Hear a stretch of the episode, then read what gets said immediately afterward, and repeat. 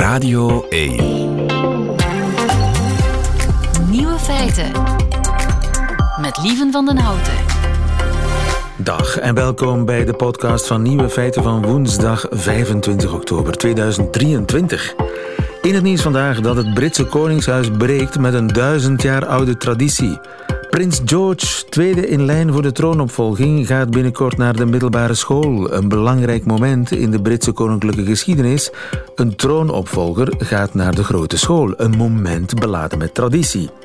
Maar zijn moeder Kate Middleton die breekt met een traditie die al meer dan duizend jaar bestaat.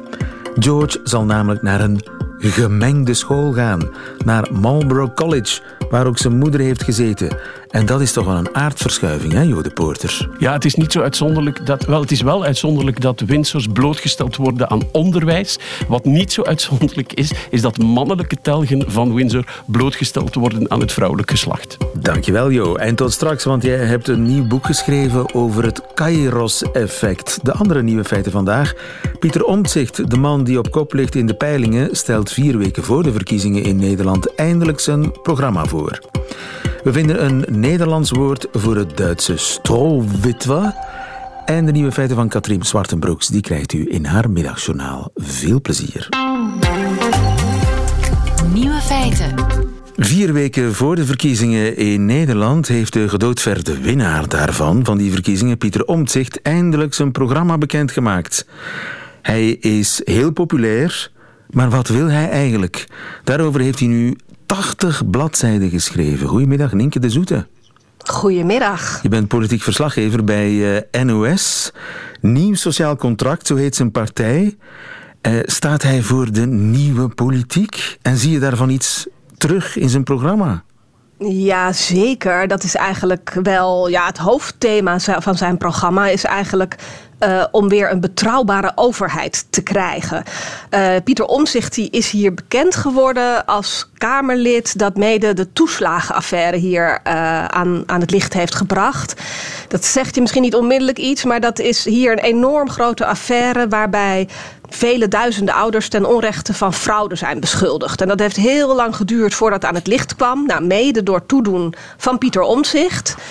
Dus hij is een soort volksheld geworden sindsdien. Zeker, zeker. Hij is ontzettend populair. Terwijl je, als je hem ziet, het is een beetje een, een, een beetje een techneut. Het is iemand die de man van de cijfertjes. Het is niet een soort popiopie-figuur. Maar door zijn inzet en zijn ontzettend kritische houding. Ook al zat hij zelf bij een coalitiepartij destijds. richting het kabinet is hij inderdaad enorm populair geworden. Maar hij wil het bestuurlijk anders gaan doen. Wat zijn dan zijn voornaamste ideeën om, die, ja, om, dat, om beter bestuur te krijgen? Ja, hij zegt uh, de burgers moeten weer hun recht kunnen halen. Uh, en een van zijn belangrijke punten is dat er een grondwettelijk hof komt.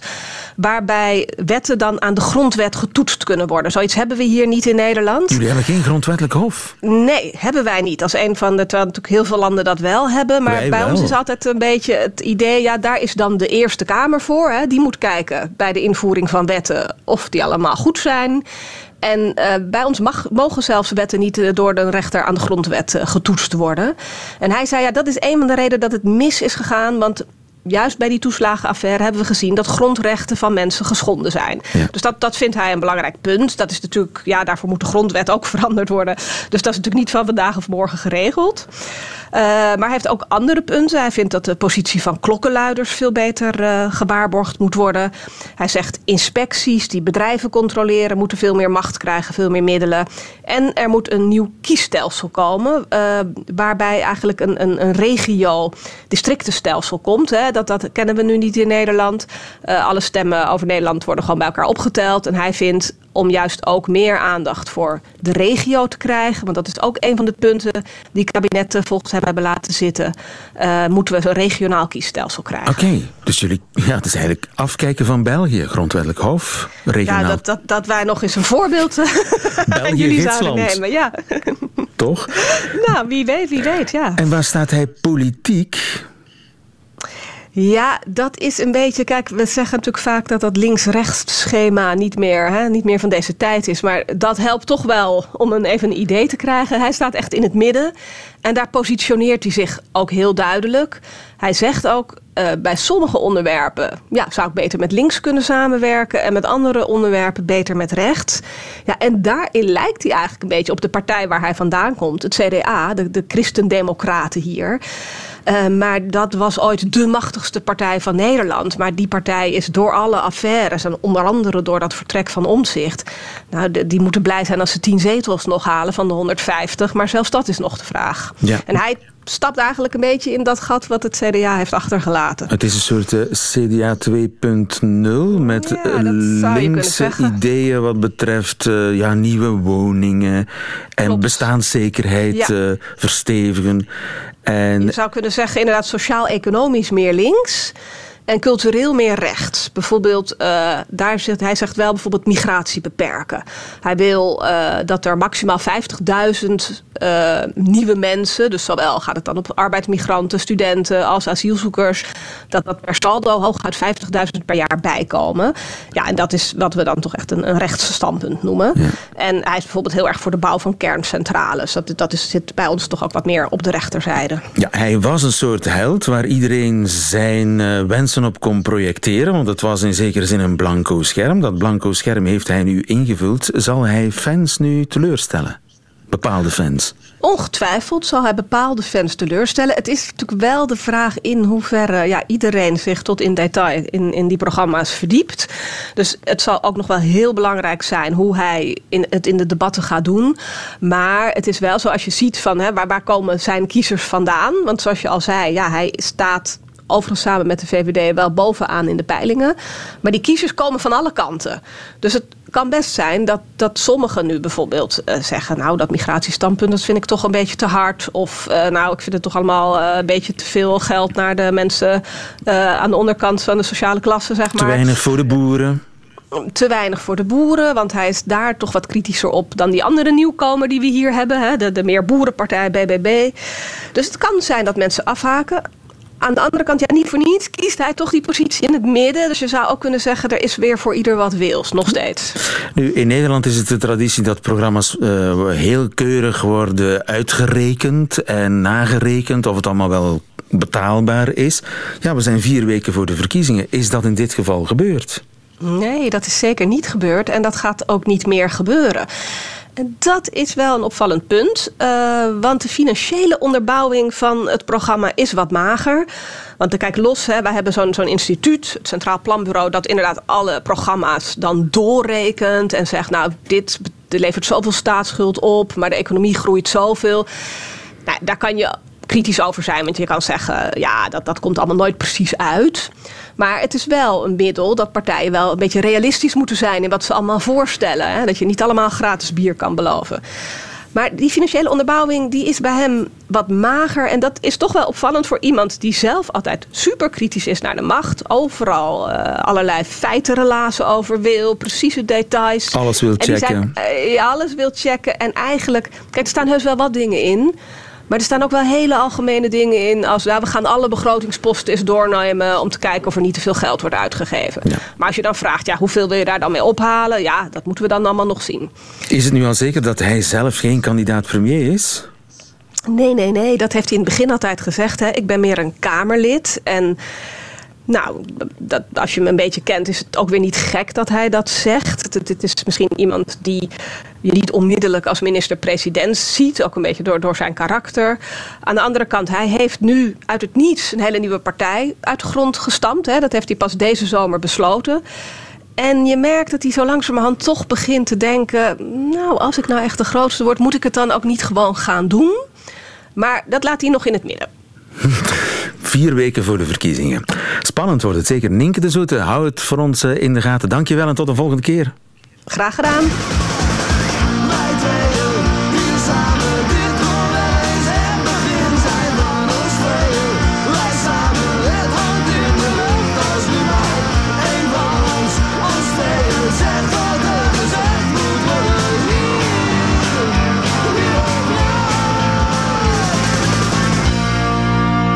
Als nu maar één van ons tweeën zegt wat er gezegd moet worden, nu of nooit. Rick de Leeuw ergens in de jaren tachtig. Rick de Leeuw, de man die zometeen het nieuwe ontbreekwoord onthult. Samen met zijn uh, Truckner Keks hoorden we hem in de jaren tachtig over het juiste woord op het juiste moment. Het woord dat je leven kan veranderen. Jode Poorter, goedemiddag. Goedemiddag. En laat dat nu meteen het onderwerp zijn van jouw nieuwe boek. Het Kairos-effect. Het Kairos-effect. Jode Poorter, we kennen jou als koningskenner, als uh, koning van het goed getimede woord en als uh, communicatiecoach. Ja. Jouw boek gaat over het Kairos-effect. Wat is het Kairos-effect? Kairos is de Griekse god van de tijd. En nu hoor ik je denken, maar was dat niet Kronos die over de tijd ging? Maar... Tuurlijk was dat niet Kronos die over de tijd ging. Maar die Grieken hebben een heel departement. En Kronos gaat over het verleiden der dagen en weken en maanden. Het, de verschuivende tijd. En Kairos is de god van het moment. Van de opportuniteit en van de kans. Van waar wij nu in zitten. En dat is een gedachte die de Grieken ontworpen hebben. Maar eigenlijk in de hele wereldgeschiedenis kom je bij de christenen en bij de Romeinen. Carpe diem is daaraan verwant. Kom je aan een behoefte van de mensen om het moment vast te pakken en dat te maken tot iets wat ze willen. Ja, en jij hebt nu een soort gids geschreven om die kansen te zien, om ze te pakken en om ze te gebruiken. Zo is het. Nu, ik neem je mee naar 1962. Naar president Kennedy, die een, ja, zijn, zijn, misschien wel een Kairos-moment heeft als hij een speech geeft over zijn plan om naar de maan te gaan. We choose to go to the moon. We choose to go to the moon in this decade and do the other things, not because they are easy, but because they are hard. Because that goal will serve to organize and measure the best of our energies and skills. Because that challenge is one that we're willing to accept, one we are unwilling to postpone, and one we intend to win. Ja, we kiezen om naar de maan te gaan niet omdat het makkelijk is, maar omdat het moeilijk is. Het zal onze krachten bundelen en versterken. Het zal onze energie en onze vaardigheden vergroten. Dit is de uitdaging die we willen aangaan en willen winnen. Jo, is dit nu echt een schoolvoorbeeld van het juiste moment pakken? Kennedy is de moderne vader van het uh, Kairos-effect. Ik heb in het boek onder andere dit geval bespreek ik uitgebreid. En wat heel weinig bekend is, die, dat hele naar de maan gaan, als we daarop terugkijken, dat is een historische gebeurtenis. Hoe is het ontstaan? Uh, Kennedy wou gewoon de verkiezingen winnen. En die had op een bepaald moment aan zijn uh, vicepresident Lyndon Johnson gezegd, ga eens met die mensen van NASA spreken en we moeten iets doen, iets met de ruimte, iets misschien met de maan. En de Russen hadden op dat moment net de eerste man in, in de ruimte gebracht, Gagarin. En Lyndon Johnson is teruggekomen met de boodschap: het enige wat we kunnen doen om Rusland te overtreffen en om een soort van nationale eenheid te creëren, is de eerste man op de maan zetten. En zo is het idee ontstaan. En het was eigenlijk, want je hoort in die speech dat hij een soort pion patriotische pioniersgedachte formuleert van wij allemaal, we gaan het beter maken, we gaan vooruitgang creëren, we gaan beslissen. Enfin, de geschiedenis, hij heeft het niet kunnen meemaken, maar door die eigenlijk een beetje sluwe verkiezingsgedachte en door dat heel slimme uh, plan is, uh, is de eerste man op de maan geraakt en hebben daar heel veel uh, technologische en andere voordelen bij. Ja, maar, maar, dan moet je wel weten dat je die snaar zult raken, hè? want de meeste mensen vonden dat zotte kosten. Wel, in de eerste instantie, het plan is twee keer naar het congres gegaan. Er is een publieke bevraging geweest bij de Amerikanen. Mag het x miljard dollar of miljoen dollar kosten? En telkens zei de bevolking, nee, dit zouden we beter geven aan defensie, aan gezondheid, aan onderwijs. En op dit moment, je liet een stukje horen van de speech die door zijn vaste speechschrijver Ted Seurissen gemaakt is, is er een kanteling gekomen en hebben, er is een soort gemeenschappelijk gevoel gecreëerd om samen iets te doen waar we niet meteen beter van werden, maar waar we uiteindelijk een soort glorieuze overwinning zouden proeven. En dat komt door de formulering en de ideeën van Kennedy en van zijn speechschrijver. En dat is zo magistraal aan het moment wat je daarnet laten horen. Ja, ja omdat je precies voelt, die snaar kan en, ik raken en, en, ik moet die woorden zeggen. En wij weten achteraf dat dat helemaal de geschiedenis veranderd heeft. Kennedy zelf heeft het niet meer kunnen meemaken, maar dat is een van de momenten uit de geschiedenis van de 20e eeuw geweest. Ja, nu, woorden zijn daden. Eh, dat blijkt ook maar uit deze overbekende The Speech der Speech. I have a dream that one day this nation will rise up and live out the true meaning of its creed. We hold these truths to be self-evident that all men are created equal. 1963, een jaar later, Mars op Washington, betoging voor gelijke rechten voor eh, Afro-Amerikanen. En dan, dan zegt Martin Luther King dit. Wat kunnen we, wat kunnen we daaruit leren? Uh, we leren daaruit dat uh, als je zo'n Kairos-effect of zo'n grote verandering wil veroorzaken, dat je verdomd goed voorbereid moet zijn. En hoewel het lijkt dat het allemaal spontaan en vanzelf gegaan is, dat historische moment waar hij die speech heeft uitgesproken, je moet weten, hij had die speech al acht keer publiekelijk in de Verenigde Staten gedaan, op scholen en bij openbare instellingen. En niemand had er ooit iets aan gevonden. En op die bewuste dag staat Mahalia Jackson, een gospelzangeres, in het publiek en zegt op een bepaald moment: Tell, him about, tell them about the dream, Martin.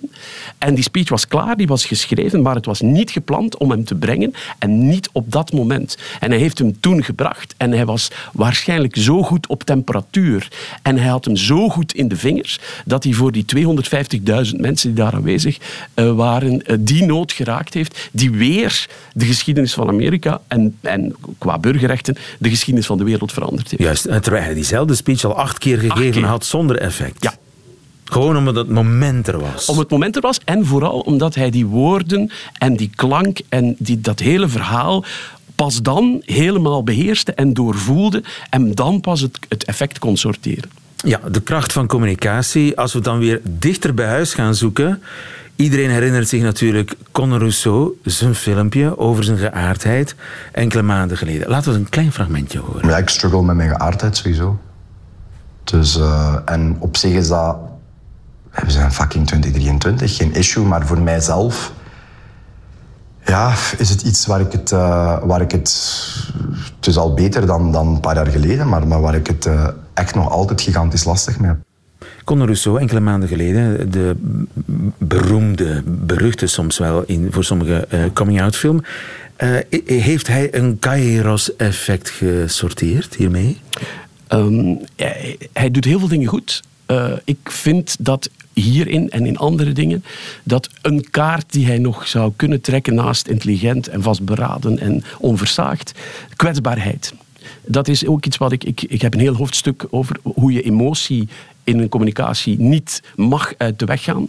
En als je bijvoorbeeld ziet van de week wat Gwendoline Rutten gedaan heeft en hoe die zich toch kwetsbaar en breekbaar en gekwetst heeft opgesteld. En als je kijkt nu naar de tsunami van sympathie en steunbetuiging uit totaal onverwachte hoek. Uh, Theo Franken, uh, Almachi, mensen die haar jarenlang bestreden hebben, dan besef je dat naast kracht en redenaarstalent en kwaliteiten. En voorbereiding. En voorbereiding. Dat je de, de moed hebben en de sterkte hebben om je op een bepaald moment kwetsbaar op te stellen, uh, spectaculaire resultaten kan hebben. En hij wil altijd de sterke jongen zijn. Hij, het is natuurlijk de, de, de, het lot van de leider om, om sterk te willen zijn. Maar um, er is een geweldige Amerikaanse schrijfster, Brené Brown, die uh, daar heel, heel veel um, boeken over heeft geschreven. Over de moed om kwetsbaar te zijn. Want het is niet omdat je kwetsbaar bent dat je slap bent of dat je niet sterk bent. En ik denk dat dat iets is waar hij nog kan uh, evolueren. En dat daar toch wel van de week uh, door mevrouw Rutten een knap staaltje is overgeleverd. Ja, en Conor had dan op dat moment meer uh, ja, zijn hart moeten blootleggen? Ja, je hoort, je hoort uh, in dat gesprek hoor je die, uh, die worsteling. En je hoort dat hij probeert daar emotionaliteit in te leggen. Maar ik ik heb het gevoel dat, dat die weg nog niet helemaal tot ja. het einde bewandeld is. Maar dat is een heel moeilijke, dat is voor mensen die leiderschap geven, heel moeilijk om wanneer laat je zwakke punten zien en hoe zorg je dat anderen die niet gaan misbruiken. Dat is een moeilijke evenwichtsoefening, maar het, het resultaat en het, het, de, de oplossing die zich aan het einde van die weg bevindt, die is vele malen groter dan de, moeilijkheid, de moeilijkheden van de route. Want het Kairos-effect, dat kan je on nooit onderschatten. Dat kan de loop van de geschiedenis op bepaalde momenten uh, bepalen. Jouw boek heet uh, Kairos effect, Het Kairos-effect. Jo de Porter, gefeliciteerd. Dank je wel. En, Ik dank u zeer. Tot de volgende. Nog veel mooie momenten. Het ontbreekwoord. Rick de Leeuw gaat op zoek naar woorden die in onze taal helaas nog niet bestaan. Een woord zoals coupé-kaper bestond nog niet, was een onbreekwoord, is niet langer een onbreekwoord en tegelijkertijd dus een onbreekwoord. Dat is zeer absurd, maar zo is het. Coupé-kamer, iemand die de- coupé-kaper, iemand die denkt onhoorbaar te zijn op de trein. Elke dag heb ik er. Ja. Of onzichtbaar, mensen van die, vo- die hun voeten op de bank leggen voor hen. Dat is de onzichtbaarheid. Dat is ook een soort coupé-kaper. Memoiroma, En geur die, Ruud Hendricks, hoofdacteur van Dalen. Ik herinner me nog dat we toen ook het wondermooie Madeleine-moment hebben gehoord. Het Madeleine-moment was ook een mogelijkheid. Ja. Memorama, spontane geuren die spontane herinneringen oproepen aan ver, ver vervlogen tijden. Het rekgesprekje, Mhm. dat, is, ook- dat, is, geen- dat is geen sprek, gesprek bij het looprek.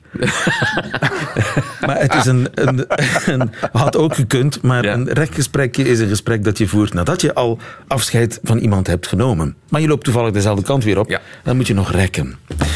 Goed, allemaal woorden die op een doordeweekse woensdagmiddag zijn geboren. In eh, nieuwe feiten en die ook in het grote ontbreekwoordenboek staan. Die, Ja. Het boek dat nu te koop is.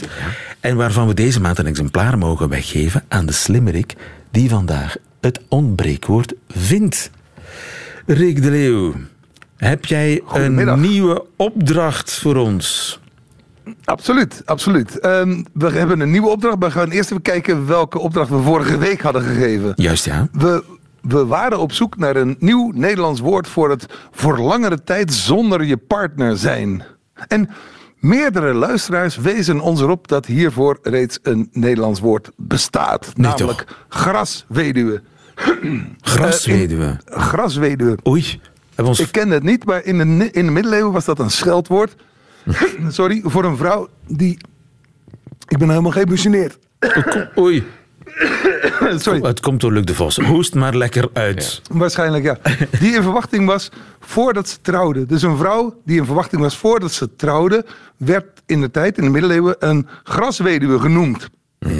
Maar sinds een jaar of honderd is een grasweduwe inderdaad een vrouw... wier man voor langere tijd afwezig is. Weer wat bijgeleerd. Veel dank daarvoor.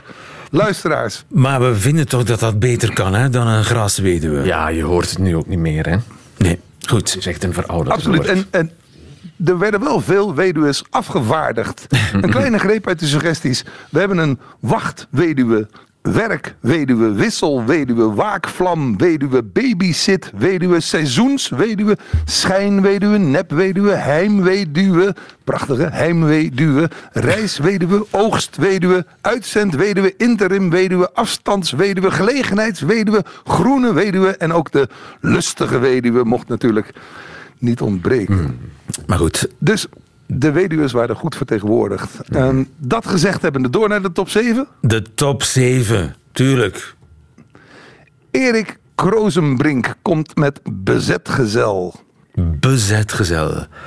Bez- mijn gezel is bezet? Nee, ik, Ja. nee, ik snap hem niet. Nee, kijk. kun je, Ik kun je hem denk het uitleggen? tegenovergestelde van een vrijgezel. Een, een vrijgezel, maar die dan bezet is. Oh, het is een bezette dan- vrijgezel. Juist. Juist, ja. Oh. Juist.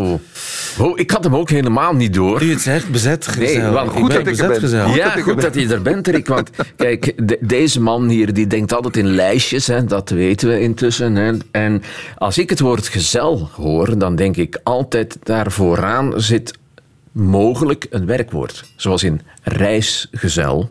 Dat is iemand die met jou reist. Een leergezel. Dat is iemand die samen met jou iets leert. Of naar de leerbar gaat. Dat kan ook. Hè, Maar dan is het geen werkwoord. Eh, maar als het weet je niet. ja, maar, maar taalkundig gezien niet. En, en dus zou een bezetgezel iemand zijn die samen met jou iets bezet. Maar dus ik heb de link echt niet gelegd met vrijgezel hoor. Dat, eh, dan, het, dan, zou het, ja, dan zouden we iets anders moeten vinden voor bezet als dit zou moeten werken. Ja. Vind ik. Bij het toilet heb je toch vrij of bezet op het, op het bordje staan. Ja. Vrij en bezet. Dus Oh. vrij en bezet horen dicht bij elkaar. Dat- bezet Ah, ja. Dus een bezetgezel, dat zijn twee dames die samen naar het toilet gaan. Ja, dat is Als, jij dat wil, dan, dan zullen we dat organiseren. Goed, Oké, wordt hem- Erik sorry, het wordt niet op Nee, waarde wordt hem niet. je bezetgezel. Oké, Ehm, next. Bart. En Bart heeft helaas geen achternaam. Dus die, eh, die heeft hij ongetwijfeld wel, maar die heeft hem niet eh, genoemd. Eh, Bart komt met wederloos. Vind ik mooi. Wederloos? Ja, dat doet mij onmiddellijk denken aan wederhelft.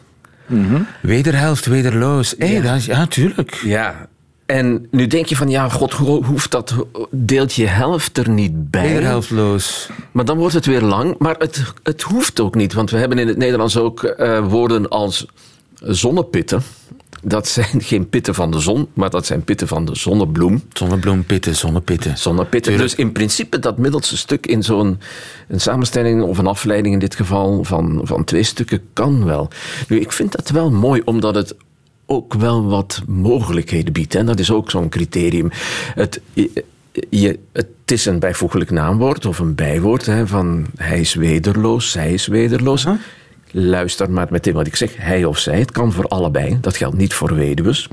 Ehm, het kan eigenlijk voor iedereen en je kunt dat verzelfstandigen tot ik ben een wederloze op dit moment. Dus ja, het, heeft, het heeft wat mogelijkheden en het is kort. Het is kort. Dat is, en het past ook weer in het rijtje van de lozen. Hè. Van er ontbreekt iets, namelijk een wederhelft. Oké, Bart, gefeliciteerd. Laat ons je familienaam weten. Ja, we zijn er nog niet, hè? We zijn De er- volgende. zijn er nog niet. De volgende. Ja, ja, we zijn er nog niet, maar hoe Ja. dan ook, dat was een eervolle vermelding, nu al. Ja, Nu al, ja. Denise Willems, kijken of zij eh, beter doet. Denise Willems komt met pantoffelhelft. ik denk dat Denise een bepaald beeld van haar man heeft. namelijk, ik denk onmiddellijk aan pantoffelheld. Dus eh, dat zit, Ja, ja, ja, ja, ja. ja, dat, zit- dat zit er toch wel een beetje in. in Maar eh, dat is meer een alternatief woord voor wederhelft, vind ik. Een pantoffelhelft. Mijn pantoffelhelft. Dus je draagt elk één pantoffel van, van een paar pantoffels, zoiets. Het zegt weinig over de toestand. Ja, het zegt weinig over. Het is, het is, niet, heel, het, het, het is niet heel doorzichtig. En het, maar dat, dat pantoffelheld, dat zit mij toch echt wel in de weg. Hè, van, want ja, het, het zegt weinig over dat verlangen naar dat, dat die er niet is. Enfin, dat leg ik nu in, het, in, in de opdracht. Maar goed, ja. Denise Willems, sorry. De volgende. Ja, maar, maar die, het, het is toch degene die thuis blijft, die heeft de pantoffels aan, want die blijft thuis. En de andere, dus de helft met de pantoffels, is thuisblijvend. En dat betekent dat de andere dus automatisch niet thuis blijft. Oh. Oké, Ja. oké, sorry, ik heb Denise. Ja. eh, ik, ik, ik snap haar beter. Ik, Ja, Denise, ja, ik ja, begrijp ja, je. Ja, ja, Wij niet. Oké, de volgende. Dead Pijskens, Guido van der Wiel, Hannelore Cornelis, Bert Verbeek en zeven anderen komen met a partner. Oké. Ik ben apartner. Ik ben zonder partner.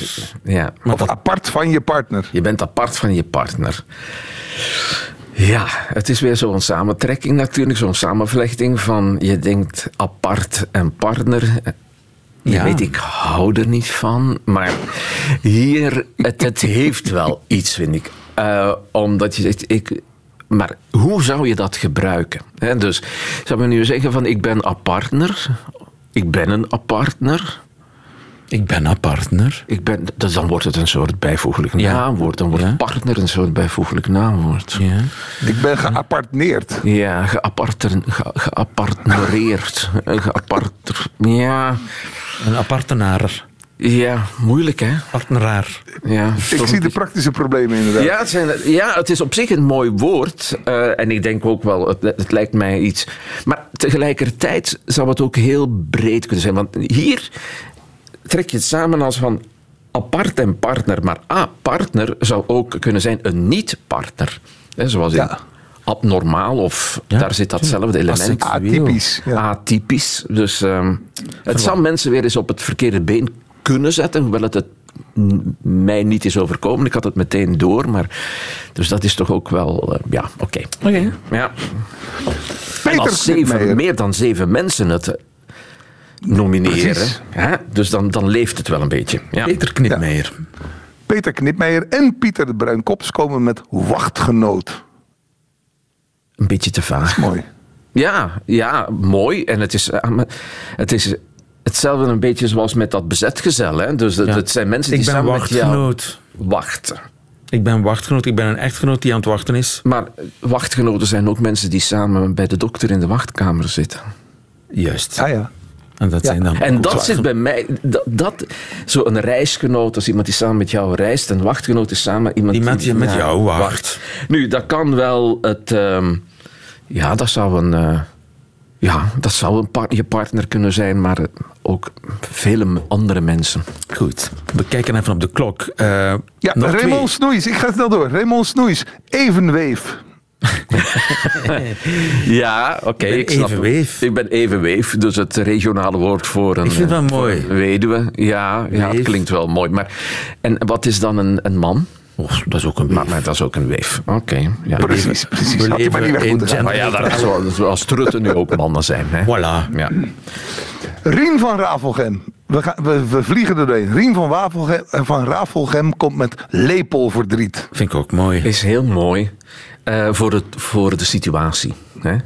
Maar dan zou ik er lepeltjes verdriet van Lepeltjes verdriet maken, waar- maken we er... Eh, waarom? Omdat we dat kennen. Hè? We kennen lepeltjeshouding. We- ik heb het al aangepast. Lepeltje, lepeltje. Lepeltje, lepeltje liggen. Dus le- lepeltjes verdriet van je mist. eh degene met lepeltje. wie je in een... le- ja, je lepeltje. Oh, dat is ook wel mooi. Oh jee. Dat is toch schitterend? Dit is mooi. Goed, ehm, dus we hebben ze allemaal Ja, gehad, oh, de ik- kandidaten. Dus eh, Maar nu moet ik echt... iemand zit met een dilemma. Ja, want... En wij hebben leedvermaak. Nee, Nee, jij niet, maar ik deze keer echt wel. Want eh, ik, ik wil echt kiezen tussen dat lepeltjesverdriet en wederloos. Maar wat zou jij nu kiezen, lieve? want ik vind Kijk, in dat, in dat, zo in dat, mooi. weder, in dat wederloos zit niet de tijdelijkheid. Hè? Nee, dat is waar. Van het, het wederloos kan, dat kan voor Ja. altijd zijn. Ja. Zullen we dan zeggen dat we nog altijd geen woord hebben gevonden van diegene die lepeltjesverdriet heeft? lepeltjesverdriet. Ik, ik, ik ben ook helemaal gelukkig met Ja, lepeltjesverdriet. oké. dan kiezen we als woord van de week Lepeltjesverdriet. lepeltjesverdriet. Voilà. Huppata. Gefeliciteerd Rien van Rafelgem. Zij krijgt van ons toegestuurd het grote ontbreekwoordenboek. We hebben een nieuwe opgave nodig.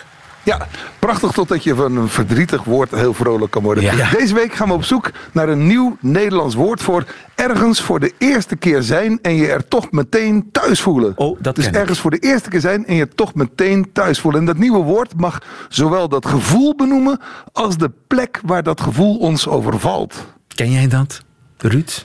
Ja, ja, ja, maar ik heb er ook niet meteen een woord voor. Ik Ja? mag niks zeggen waar ik meteen aan denk, want dan beïnvloed ik eh, iedereen. Nee, maar ik, ik had bijvoorbeeld de eerste keer dat ik in Stockholm was.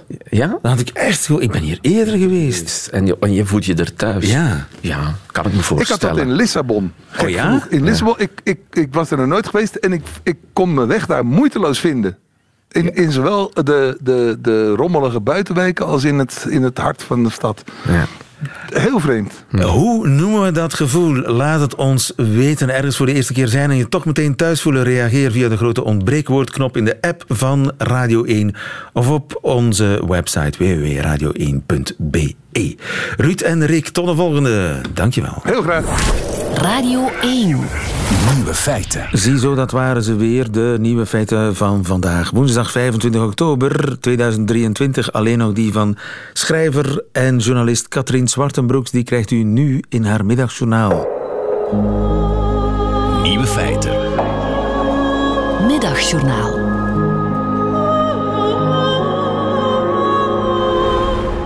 Er zijn twee soorten mensen op deze wereld. Zij die weten hoe ze hun leven moeten leiden en zij zonder kamerjas. Ze bestaan, de onverlaten die aan het haakje in de badkamer niets anders hebben hangen dan een muffe handdoek, die 's ochtends geen pluizig panzer om de schouders hijsen om het bestaan toch een beetje te dempen. Omdat ze denken dat ze het niet nodig hebben. Omdat ze het nog nooit geprobeerd hebben. Allereerst een taalkundig onderscheid. Een kamerjas is geen badjas. Een badjas is, zoals de naam doet vermoeden, gemaakt van badstof. Bedoeld om je na het baden in te wikkelen, zodat alle vochtigheid die je nog niet had weggewreven, opgevangen wordt. Best functioneel, maar niet essentieel. Een kamerjas draag je daarentegen niet tegen de klammigheid, maar tegen de kilte van het bestaan en van dat ene tochtstreepje onder de voordeur waar de mat steeds verschuift. Een kamerjas is nogal letterlijk een jas die je binnenskamers draagt, maar dan veel zachter en zonder zo'n vervelend ritselend waterafstotend laagje. Zij die de pech hebben er nooit eentje gedragen te hebben, zouden het nog wagen de kamerjas slonzig te noemen. En dus dringt de rehabilitatie van het veelzijdige kledingstuk zich op. Want de kamerjas is een schild tegen hoge energiefacturen, een warme hand op de gespannen schouder van de eenzame thuiswerker en een overgooier die het nadenken over de rest van uw outfit overbodig maakt. Meer hersenruimte, meer warmte, meer zachtheid, meer geld voor uw dag, alstublieft. Het is wellicht het eerste kledingstuk waar uw pasgeborene zich tegenaan nestelt bij thuiskomt. En het enige kledingstuk waar mijn stokoude zwerfkat tegenaan durft komen flemen. Ze bevat restanten van iedere maaltijd die u er ooit in heeft genuttigd. De geur van al uw huisgenoten en vermoedelijk ook een heleboel van hun tranen. Een goede kamerjas is als een huis, als een huid, als een uitermate goed excuus om nooit meer buiten te komen. Blijf dus maar binnen vandaag. En vergeet uw jas niet.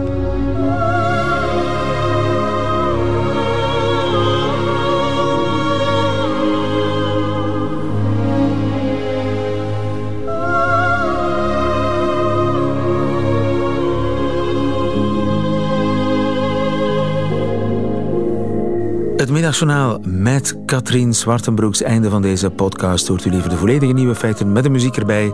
Dat kan natuurlijk elke werkdag live tussen 12 en 1 op Radio 1. Tot een volgende keer.